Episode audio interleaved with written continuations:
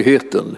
Det som egentligen är den egentliga hela verkligheten, för den är i Kristus Jesus. Han har kommit hit till jorden och han har fötts som en människa och vi tackar honom för att vi får liv genom honom. Det underbara som han gör när han är här eh, en kort tid på jorden och verkar synligt inför människorna och sedan återvänder till, till himmelske fader. Och nu står vi här och väntar på att han ska komma tillbaka. Och vi tackar Herre för det, att det, det ska inte dröja länge utan vi ska också få möta honom och dig öga mot öga i den himmelska världen. I Jesu namn. Amen. Ja, eh, vi, jag tänkte att vi skulle säga någonting eh, om, om eh, det här med att födas och lite kort bara en, en notis om det här med tidräkningen. En del får ju, tycker ju att det här är lite bekymmersamt att eh, man börjar säga att Jesus föddes eh, före Jesu födelse. Eh, och, och lite olika när, när kan det ha varit? Ja, det, det är så att man har börjat räkna efter när han, när han egentligen föddes långt, långt senare. Det var, ju, det var ju flera århundraden om jag inte missminner mig som man, innan man började räkna på det där. Och då skulle man räkna och då skulle man se vad det, hur, hur räknade man ut tiden eh, för vad som hände eh, så där långt tillbaka. Det var inte så helt enkelt. Men eh, man fick ju leta efter olika personer som man kände till deras regeringstid genom att man har jämfört med andra och så här och så småningom har man kommit underfund med det. Och det, ofta var det kungar liksom och stora berömda gestalter som man kände till lite grann när de levde. Och så jämförde man runt och så sökte man liksom, liksom, eh, sig fram där för att hitta den rätta tiden. Nu, nu, spelar det inte det här egentligen någon roll, för det här är egentligen inget samtal om, om, om Jesus eh, har fötts eller inte, utan det här är bara ett samtal när. Och vi har, vill, vill starta liksom med en ny tidräkning som människor här, när vi hade märkt vem det var som hade fötts den där tiden, nämligen Guds egen son hade kommit till världen för att frälsa världen. Och det där att, eh, då ville man ha hela tidräkningen stämd efter honom. Och då vore det bra om man visste var man skulle börja. Så att säga. Ja, och då, då, då, eh, då var det så här att det fanns, det fanns några gestalter här som man helt enkelt kunde kolla upp som var, som, som var världsberömda i det naturliga då. Och eh, dit hörde ju Augustus, kejsar Augustus i Rom. Och dit, dit hörde Herodes Eh, som var kungen som eh, regerade i, i, eh, i, i Palestina. Och, och då, då, står det om, om eh, eh, honom, den här eh, Augustus, att han, han dog fyra år före Kristi födelse. Alltså som vi räknade nu då. Fyra år före Kristi födelse så dog Augustus. Men det var ju när kejsar Augustus levde som skattskrivningen skulle vara och han hade kallat till den och de begav sig iväg från Nasaret till Betlehem. Då måste han ju ha, det måste ha skett under hans livstid. Så det kan inte ske senare än, än år fyra, eh, så att säga, efter, Christ, eh, före Kristus, för då var hans dödsdag. Så han, han måste ha varit lite pigg också så att det kan hända att det var eh, kanske något, någon tid tidigare till och med. Men, men det var det. Och sen, och sen när det gäller då Herodes, ja, han, han hade, hans år, år, levnadsår var alltså Eh, 37 till eh, 4 eh, efter Kristus. Och då, Herodes han skulle ju vara också liksom samtida med det som hände för annars skulle inte han få ett raseriutbrott och bli alldeles galen och börja mörda alla barn. Utan han, det hade ju hänt under hans tid. Så man började bestämma så småningom så här. Och de allra flesta så, så, så här, stannar vid att eh, om vi räknar liksom bakåt och får med de här gubbarna som var regenter och makthavare på olika sätt så, här, så är det ganska troligt att det var några, eh, eh, fyra eller fem före Kristus som eh, Jesus föddes. Och, och det finns andra förslag, men de flesta tycker att det här det är det troligaste. Och man måste ju säga att det är, det är ganska viktigt att man åtminstone stämmer med kejsar Augustus och Herodes. För stämmer det inte med de två då, då, då börjar det bli liksom trassligt i, i, i hela allt det där. Vilka gestalter var det egentligen som var igång där i, runt omkring eh, födelsen? Vilka hade makten, vilka hade inflytandet? Och det skulle kunna bli väldigt grötigt. Eh, men så vi stannar för det där då. Så, eh, men då är det inte sagt att han, han har liksom på något sätt inte fötts på sin egen födelsedag utan då är det bara sagt att vi flyttar födelsedagen och säger det börjar alltså fyra före Kristus eh, istället för att det börjar noll. Men vi kallar noll nu för det är vi fyra före Kristus som vi kallar för noll. Ja, jag vet inte om det blir klokare av det där, men i alla fall det var ett, det var ett försök får, får jag tänka så här att ja, vi, vi, vi, vi kan räkna. Jesu födelse det var en så oerhört viktig händelse i mänsklighetens historia som man ändrar tidräkningen efter. Sen märker ni att det finns alla möjliga andra eh, tidräkningar som eh, är igång i den här världen. Eh, och det är bara att säga att de, de har andra saker som de tycker är viktiga. Men för oss ändå här i västvärlden så kan vi säga att vi, då är vi säkra på eh, att det är det viktigaste som finns, att Jesus har fötts. Och därför har vi alla anledning att räkna vår tidräknings början, livets början kan man säga, när Jesus kom till jorden. Ja. Det var, det var en liten, en, en liten eh, eh, tanke kring det där. Jag skulle bara säga det för att ibland så sitter folk och funderar på det där. Det, det, det är egentligen inte särskilt konstigt och det har inte så stor betydelse i själva årtalet utan det är bara det att tidräkningen är ändrad för det därför att det var en så viktig händelse. Så, eh, eh, och den här, eh, det här med att, att Jesus föddes då under den här skattskrivningsperioden och kom dit till Betlehem och så, det blev en, en mängder också profetiska ord som liksom började stämma in. Alltså det börjar, det börjar liksom falla på plats här i det profetiska också. Så att, eh, där, det, och det var, det var eh, också så att Jesus han blev ju så småningom eh, väldigt i unga år så blev han liksom en, en, en, så kom han liksom att, att vandra ut och bosätta sig i ett främmande land, alltså i Egypten. För de fick fly till Egypten eftersom det var ett väldigt hot här åt att barnen skulle dödas i, i Betlehem där han hade fötts. Och då blev det en uppenbarelse från Gud som gjorde att de flydde till Egypten. Och där var de under en längre tid och väntade ut den här eh, galne kungens, Herodes död. Så att det var säkert att han dog. Så då kan man säga att det var säkert att han levde också under det Jesu, Jesu födelsetid.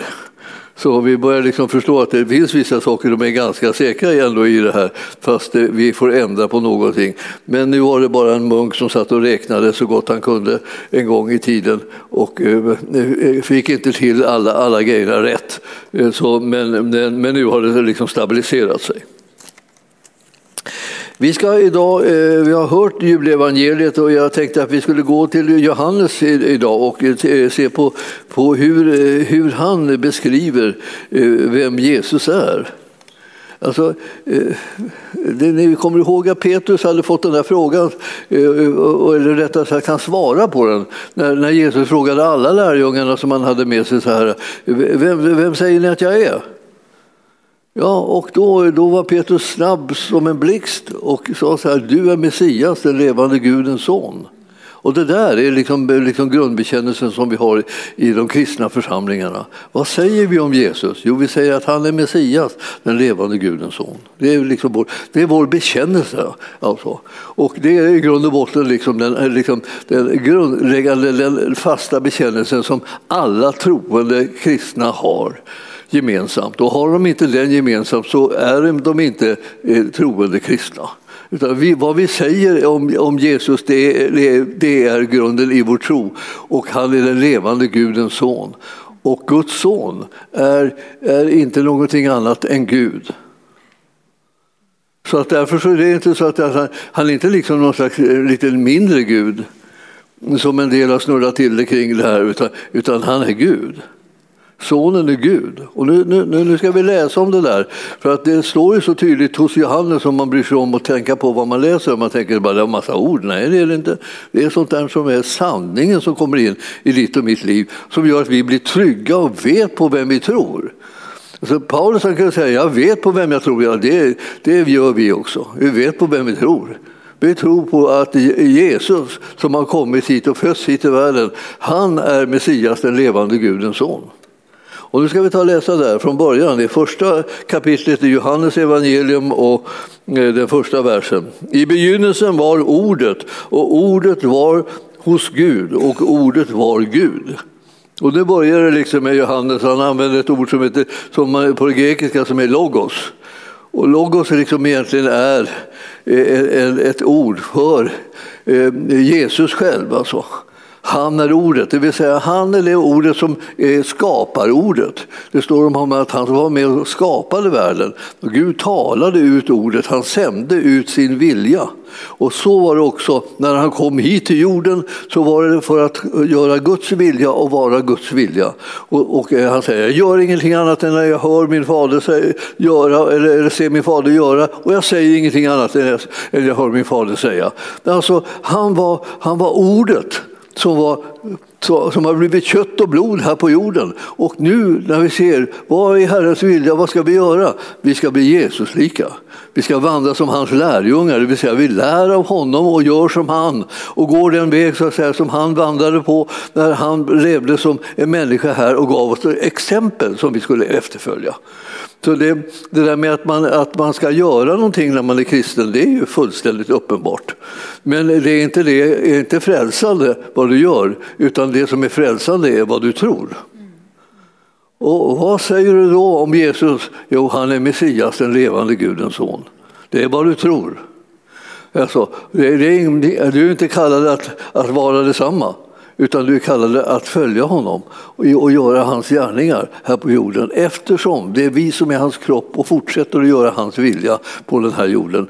Och därför så har han kallat samman oss så att vi ska kunna vara länkade samman och kunna klara av att göra uppdraget som vi har fått.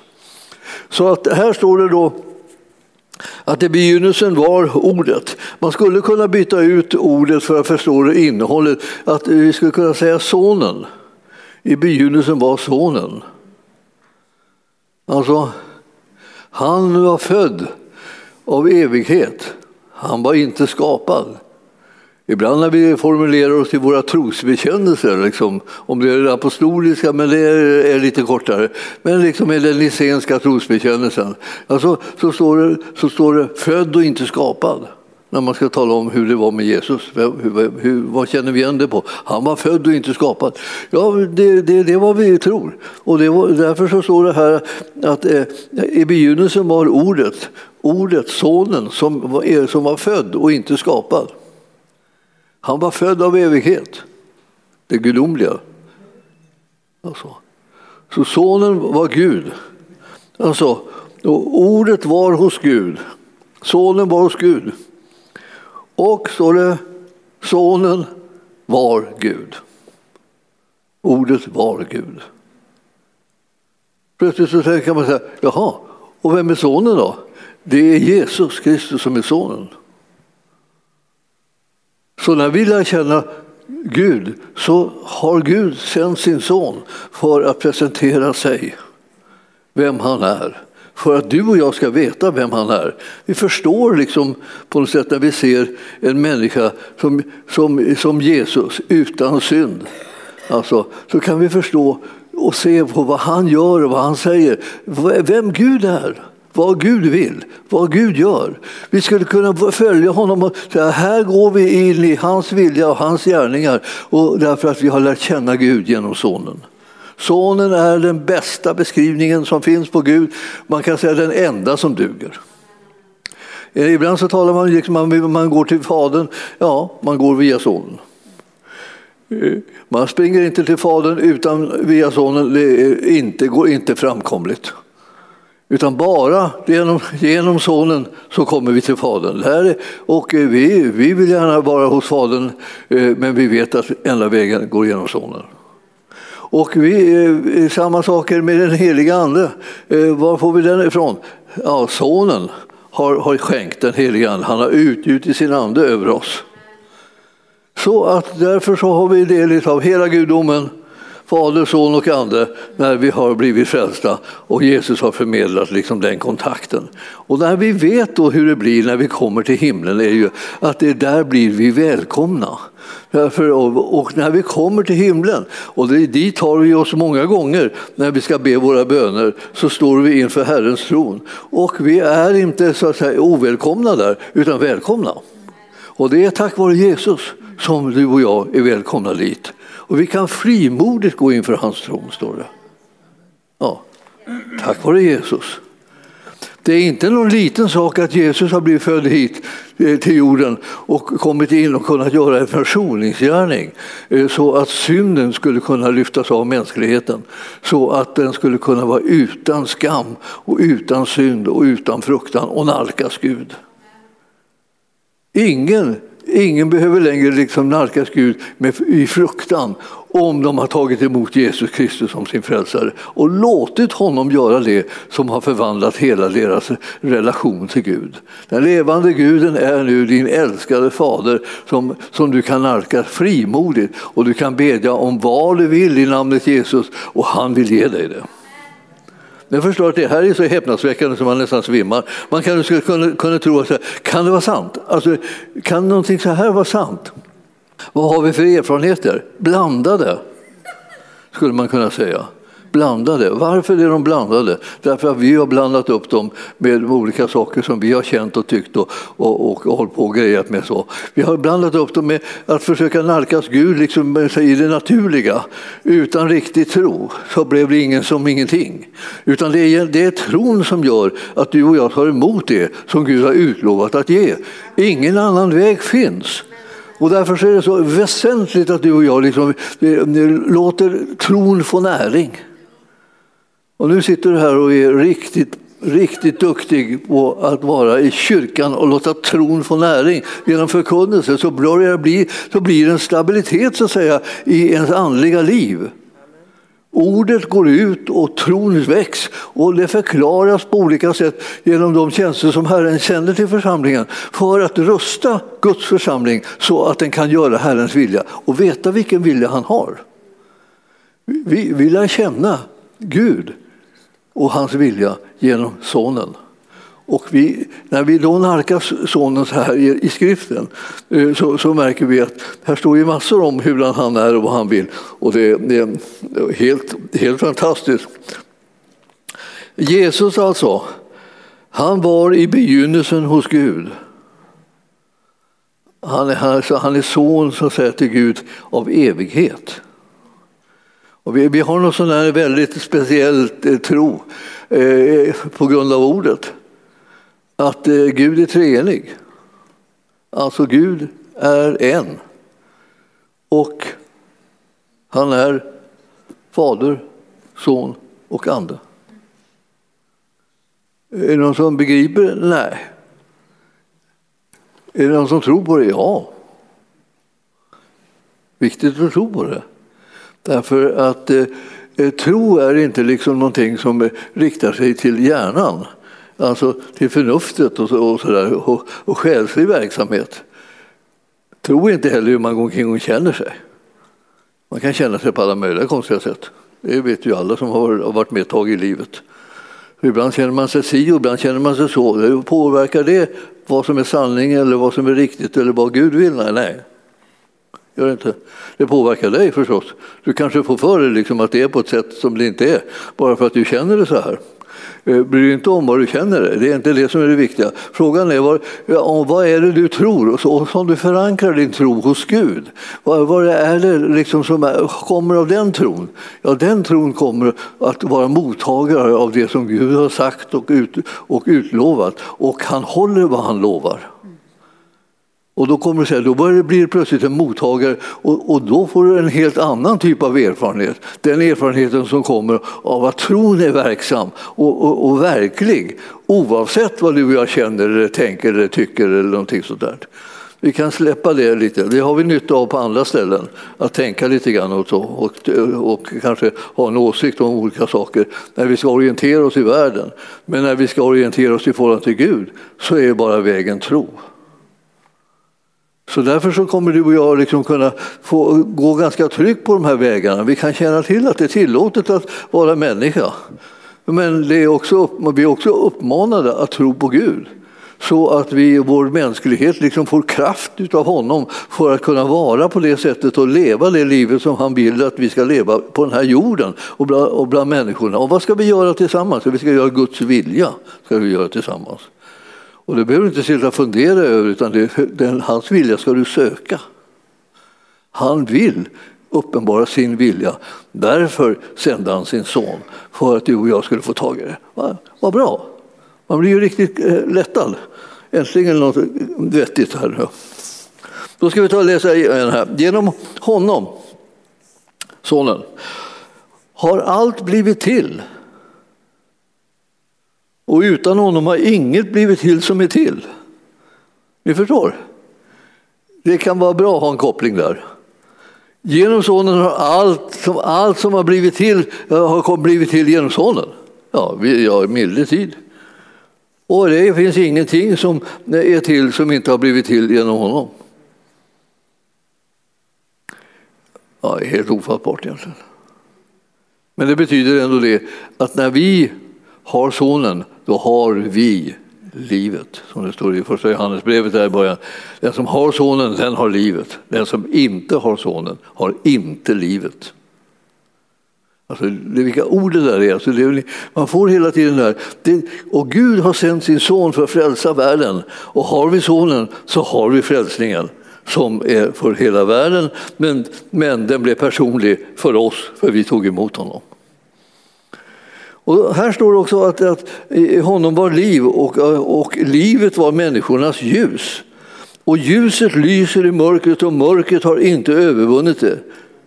Ja, det här, den här verserna där, de handlar om, om, om Jesus.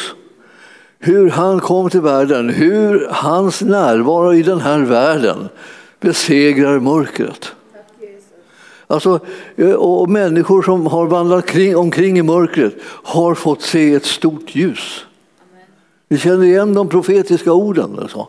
Att det, det, här, det här är liksom hela tiden en, en uppenbarelseplats. När vi kommer till Gudsordet så har vi kommit till en uppenbarelseplats där vi får se och höra hurdan Gud är, vad han vill, vad, var han går och vilka mål han har och så för hur han kan använda dig och mig och rusta oss för det här eh, arbetet som är av övernaturlig art. Men det, som är själva livets mening. Annars får man gå och försöka leta efter livets mening. Att livets mening att få gifta sig, livets mening att få barn. Livets mening, alltså man hittar på alla möjliga olika livets mening. Livets mening är inte alls det där, utan det är bara välsignelser. Vi får skilja på livets mening och välsignelser. Alltså eh, är det så att livets mening det är att göra Herrens vilja att bli en fungerande kropp tillsammans. Att våga satsa på att vi hör ihop istället för att vi liksom tänker liksom att vi, ja, jag hör inte hemma någonstans, jag, ingen, ingen gillar mig eller vad, sånt här. Ja, men sluta upp och tänk de där tankarna, tänk fel tankar. Du ska ju tänka Guds tankar. Jag, tänker, jag kan inte hjälpa vad jag tänker för tankar. Ja, men det kan du väl visst. Sätt igång och fyll dig med Guds tankar ska du se. Du kommer liksom halka in på det där spåret och börja tänka hans tankar. Du börjar tänka sånt som ligger på hans hjärta istället för att du bara eh, fantiserar om massa vad andra människor tänker om dig. Det har, det har du ju inte en susning om egentligen. Så lämna det. Men vet du vad Gud tänker om dig? Det bör du ta reda på. Det är nämligen livs, liksom, livsbejakande och härligt och underbart. Han tänker ju sådana tankar om oss så vi, vi blir så glada så vi nästan spricker om vi bara kommer på dem. Varför försöka tänka ut vad andra tänker i kritik liksom, om oss när vi kan tänka på vad Gud tänker liksom, i, i härlighet och kärlek om oss? Vi, vi, vi väljer väl vad vi gör för någonting, vi är väl inga mesar. Nej, Nej utan, välj, välj att lyssna till Herren. Det är det bästa som finns. Då kan du liksom bli glad i alla omständigheter, det spelar ingen roll hur det ser ut eller verkar så här, hur det känns. Här. Vad har det för betydelse? Vad är det Gud tänker om mig? Vad är det han vill med vårt liv tillsammans? Vad kan han göra med oss om han får tillfälle att få tag i oss? Ja, ja gränslöst är det, fullkomligt gränslöst.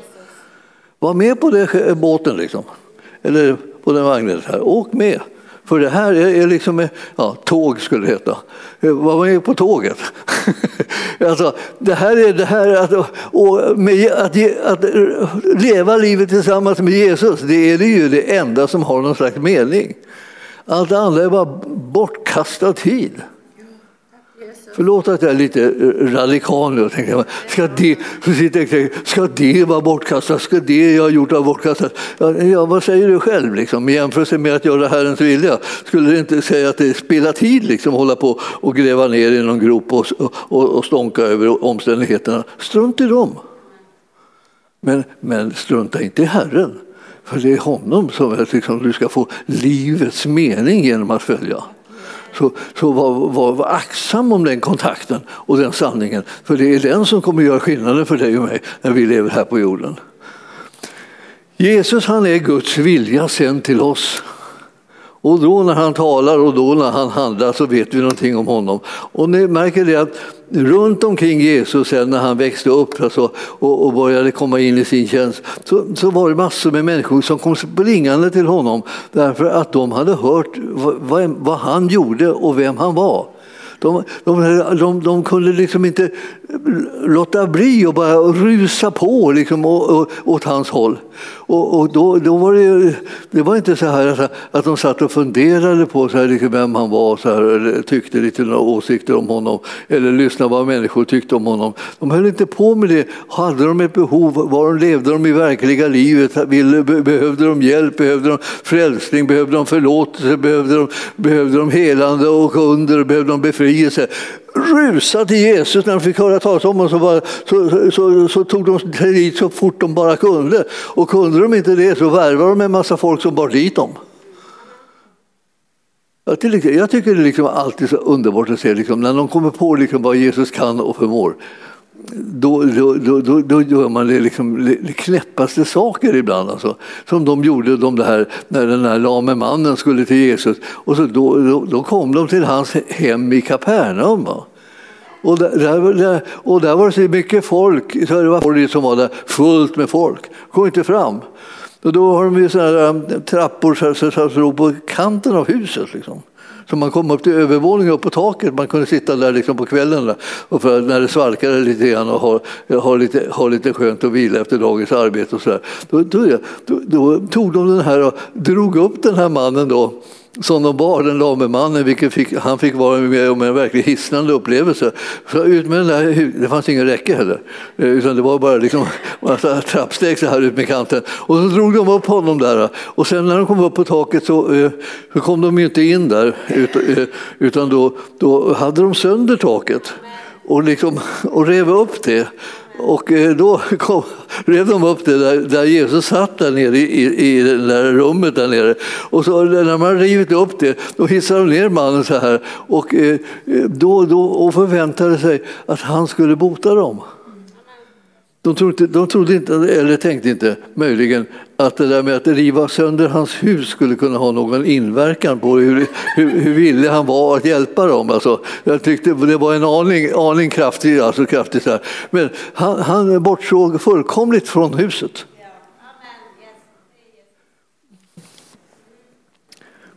Du kan få gärna tänka lite privata tankar nu. Det kan hända att du ska bort fullkomligt från huset.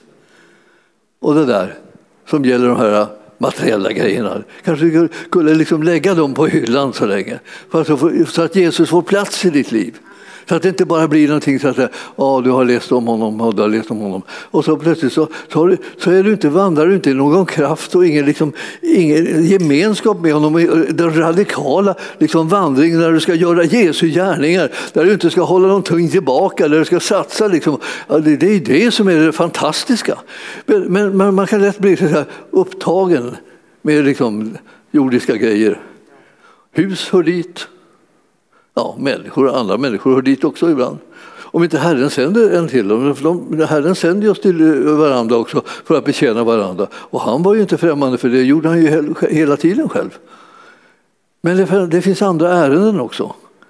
Ibland så var det som ärenden, saker som han skulle göra som, som, som inte hade att göra med att serva människorna utan som hade att göra med att göra Guds vilja på ett speciellt sätt som, som, där man inte kunde lyssna till människor. Där man inte kunde låta sig hindras av människor eller, liksom, eller skrämmas av dem eller sådär. Och ni, ni, ni, vet ju hur det var med eh, Johannes döparen. Han hade ju liksom fått en släng av den här frimodigheten liksom också. Så att fastän han blev hotad liksom och, och, och riskerade livet och, och blev liksom så småningom dömd till döden eh, så drog han sig inte ur det hela. Han, han, han fortsatte hålla fast vid det. Han ville bara veta var det Jesus var, om han var den som de väntade på? Var han Messias, den levande Gudens son? Var det han? Som var den som han skulle bana väg för och nu hade satsat sitt liv för, var det rätt man? Och då får han reda på vad Jesus gör för någonting och då förstår han, den här mannen är det, det är han som är sänd av Gud. Honom, eh, för honom ger jag mitt liv. Det känns allvarligt ibland så där, man tänker på det, liksom, hur, man, hur man eh, använder tiden och hur man använder möjligheterna, resurserna och, som man har och liksom gåvorna som man har fått och allt det här. Det är allvarligt liksom.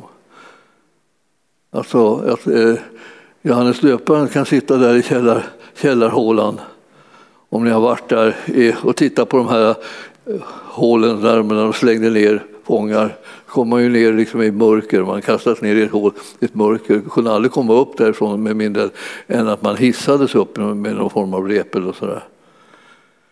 Eh, och så sitter man och väntar på döden. Och, eh, och, och, och nu så kände han liksom, fick han frid.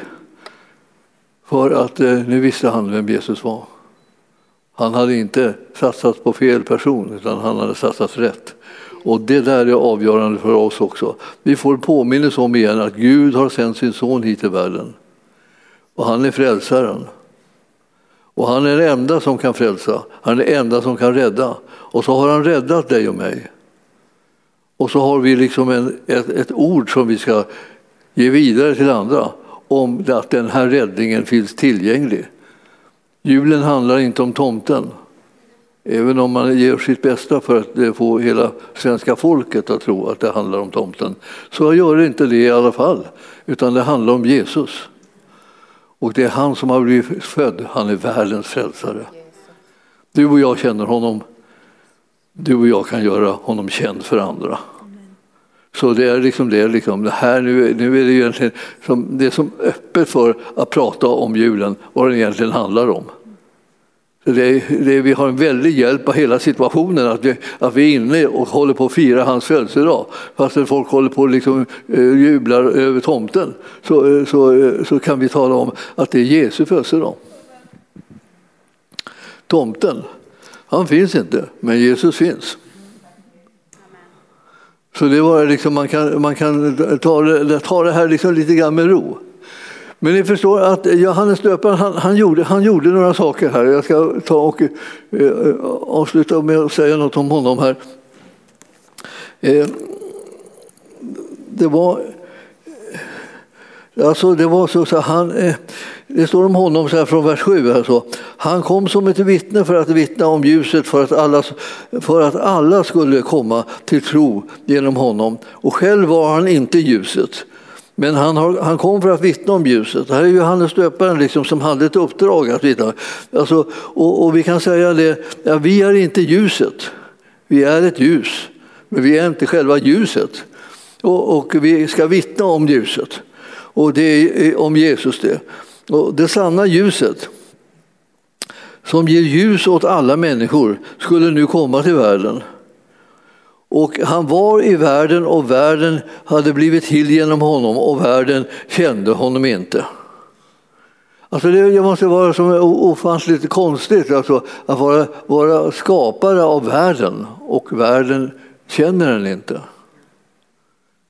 De känner, känner allt möjligt annat och gör allt möjligt annat på något sätt märkvärdigt som ingenting är. Vi har uppgift att göra Jesus synlig och märkt, märkt i, i det här livet. Han kom till sitt eget, hans egna tog inte emot honom. Men, står det, och det tolfte versen är en sån här pärla som kommer. Så. Men åt alla de som tog emot honom gav han eh, rätt eller makt att bli Guds barn åt de som tror på hans namn. Det är vi. Halleluja! Halleluja! Det gör ingenting om ni är liksom, glada. Jag vill bara... Vi, alltså, vi, vi har någonting för som är en skatt att dela ut till människor. Så det, det gör ingenting om vi är glada över det. Och det gör ingenting heller om vi delar med oss. Utan liksom, passa på nu när du liksom får det här aktualiserat för dig, liksom, att, att vi är sådana här som har den här skatten. Och då, då stod det här så här att, eh, eh att ordet blev kött och tog sin boning bland oss. Och vi såg hans härlighet, en härlighet eh, som den enfödde har av Fadern. Och han var full av nåd och sanning. Det talas om Jesus här. Det är Eh, det står också om vi som har tagit emot honom på det här sättet eh, och blivit Guds barn. Eh, då är man född, inte av blod eller av köttets vilja utan, eller någon mans vilja, utan av Gud. Vi har liksom, genom att vi tog emot Jesus och blev födda av Gud, så vi blev Guds barn. Det Guds barn betyder inte bara att man är människa, utan Guds barn betyder liksom det att man har blivit född på nytt. Och, och, och, Bibeln är drastisk och tydlig och uh, obehagligt eh, liksom rakt på sak eh, när det gäller det här när man inte har blivit född på nytt. Vad är man då? Ja, alla är vi Guds barn, säger de. Nej, det var, det missade det. Då, då är man djävulens barn, så. Det har inte jag hittat på. Jag skulle ha valt att säga något mildare. Det skulle vi allihopa ha. Alltså man tänker, vad är det för någonting att säga? Ja, det är ingenting att gå omkring och säga. Det är inte så man får folk frälsta genom att tala om för dem att de är djävulens barn. Då har man liksom ändå fått det hela om bakfoten. Man ska tala om för dem att de är älskade av Gud. Alltså, eh, saken är ju att Gud älskar ju folk som är, som är, som är djävulens barn. Han älskar dem inte därför att de är djävulens barn utan han älskar dem för att de är, de är människor och han vill att de ska bli frälsta och han vill att de ska veta om att de är älskade av Gud. Men, men sanningen om deras livskvalitet är att de är djävulens barn. De gör hans, går på hans vägar och gör hans vilja. De talar hans ord och sådär. Och eh, det är därför som de behöver bli räddade.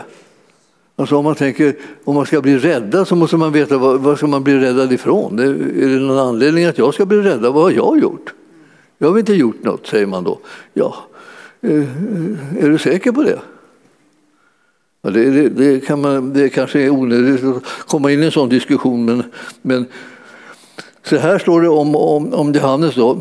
Johannes vittnar om, honom, eh, om Jesus då, och ropar.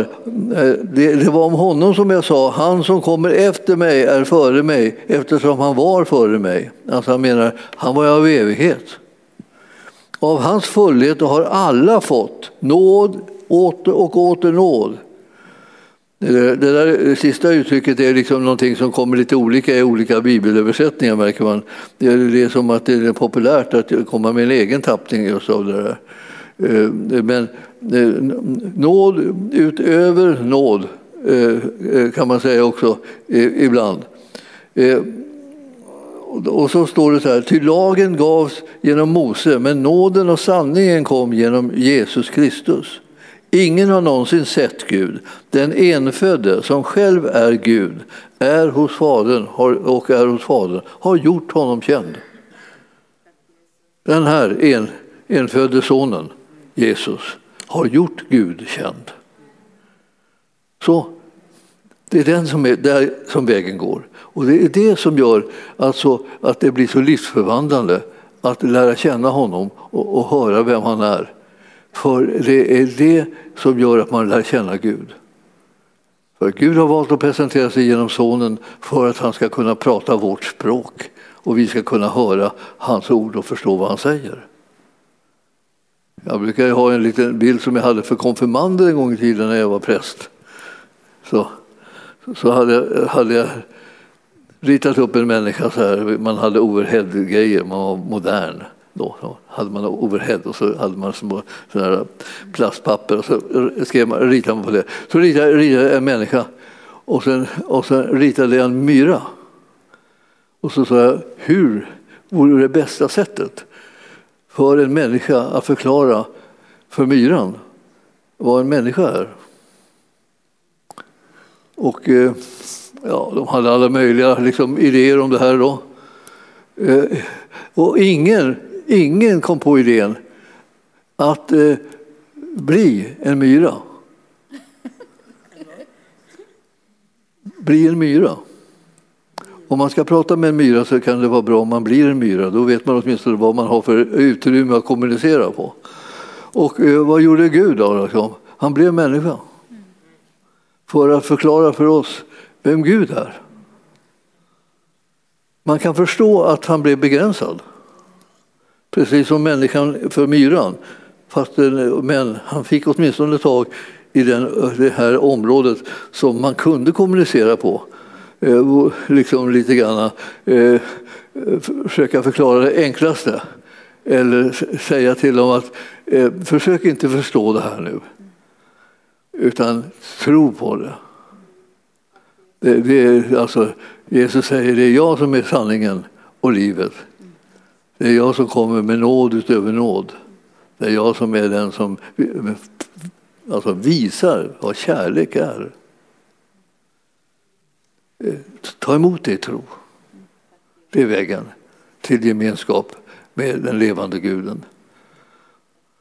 Och när de gör det så blir de förvandlade till Guds barn. Och det står att de kan börja tänka Guds tankar. Missa inte den möjligheten att tänka Guds tankar. Det är bland den viktigaste gåvan som finns för att du ska kunna orientera dig i det här livet och ska veta liksom, var går vägen som egentligen leder just till himlen. Alltså, då är det inte så här, vad ska jag göra för att komma in i himlen? Utan det är frågan om, var går den vägen som en konsekvens av att jag har blivit Guds barn? Hur ska jag nu leva? Jo, jag ska, jag ska gå den väg liksom, och gå på det sättet och vara på det sättet som Jesus har kallat mig och fortfarande håller på att kalla mig. Jag ska förvalta mitt pund och de gåvor som jag fått av Herren för att jag ska kunna bära den frukten som han vill att jag ska bära i den här världen. Och då kopplar han inte loss dig från, och mig från varandra så att vi säger att vi, skönt vi, vi slipper varandra för de andra bara krånglar med och försöker styra och bestämma och göra allt möjligt i mitt liv. Utan då, då kopplar vi bort dem och så får, går vi själva. Nej, vi ska göra det som hans kropp, sammankopplade för att det här ska bli möjligt att göra hans vilja i den här världen. Tänk i Guds tankar så kommer ni på det här. Det har ni redan kommit på. Men jag, menar, jag, jag, bara, jag bara säger till om du nu tillhör de som inte har kommit på det ännu och tror att eh, om man bara får vara i fred och ingen håller på att bråka med så, så blir det bäst, bättre än allting annat. Det blir, det, jag kan tala om för er med en gång, det blir sämre. Du behöver alla de andra lemmarna för att kunna göra Herrens vilja genom hans kropp. Och det, han, det är det han vill. Vi är Guds barn och det står någonstans att och vad vi ska bli det är ännu inte riktigt uppenbart. Vad, vad blir det av det här? Alltså? Ja, det vet man inte, det blir något alldeles, alldeles enastående härligt. Om man läser skrifterna så kanske man börjar ana liksom olika saker och kunna plocka på sig kunskap om vad som är Guds vilja och Guds viljas konsekvenser i den här världen. Och det är du och jag som ska vara här och sätta sin, oss, vår prägel på det genom att vi är Guds redskap och Guds kropp. Himmelska Fader, jag ber att du ska låta oss få en uppenbarelse av det som är din vilja och dina planer och dina tankar.